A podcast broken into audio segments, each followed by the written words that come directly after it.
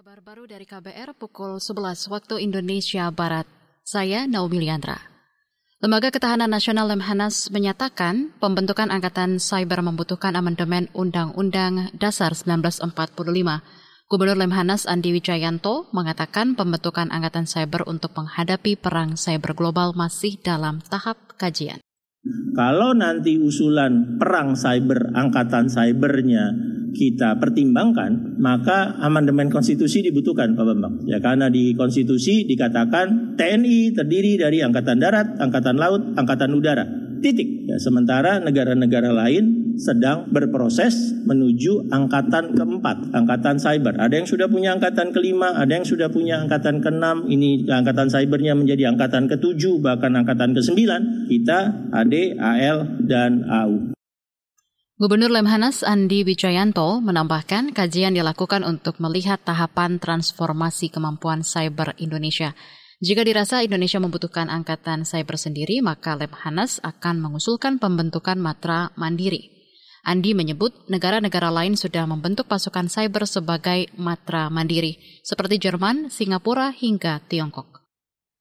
Wali Kota Solo, Jawa Tengah, Gibran Raka Buming Raka, mengklaim kondisi polusi udara di daerahnya aman Gibran memastikan tidak ada polusi udara saat musim kemarau. Informasi selengkapnya disampaikan Yuda Satriawan langsung dari Solo.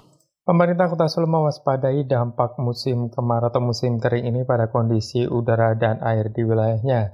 Wali Kota Solo Gibran Raka Buming Raka mengatakan kondisi udara di Solo saat ini masih aman meski padat kendaraan. Menurut Gibran, Pemkot justru mewaspadai limbah yang dibuang ke sungai saat musim kemarau. Enggak separah Jakarta lah ya. Mungkin yang lebih kita biasanya kalau kemarau tuh intensnya lebih ke ini sih kita monitoringnya ke aliran sungai. Biasanya limbah ketok banget gitu. Nek pas kering gini.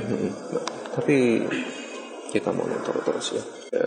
Air masih aman dari Klaten, dari Wonogiri, sejauh ini aman. Lebih lanjut, Gibran menjelaskan Solo menjadi sentra aliran sungai dari daerah sekitarnya, antara lain Wonogiri, Klaten, dan Sukoharjo. Dari Solo, Jawa Tengah, Yuda Satriawan, KBR. Kita ke berita negara. Bekas Presiden Amerika Serikat Donald Trump mengumumkan bakal menyerahkan diri pada Kamis lusa.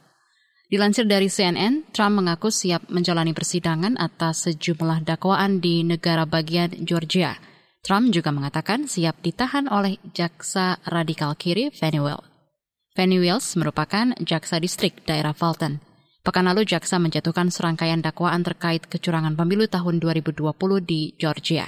Dalam dakwaan disebutkan Trump bersama dengan 18 orang lainnya diduga berkonspirasi mengubah hasil pemilu secara tidak sah. Pengadilan Fulton County mendakwa Trump dengan 13 tuduhan, salah satunya pemerasan karena mengubah hasil pemilu. Sebelumnya Trump membantah terlibat atas segala dakwaan tersebut. Demikian kabar baru dari KBR, saya Naomi Liandra.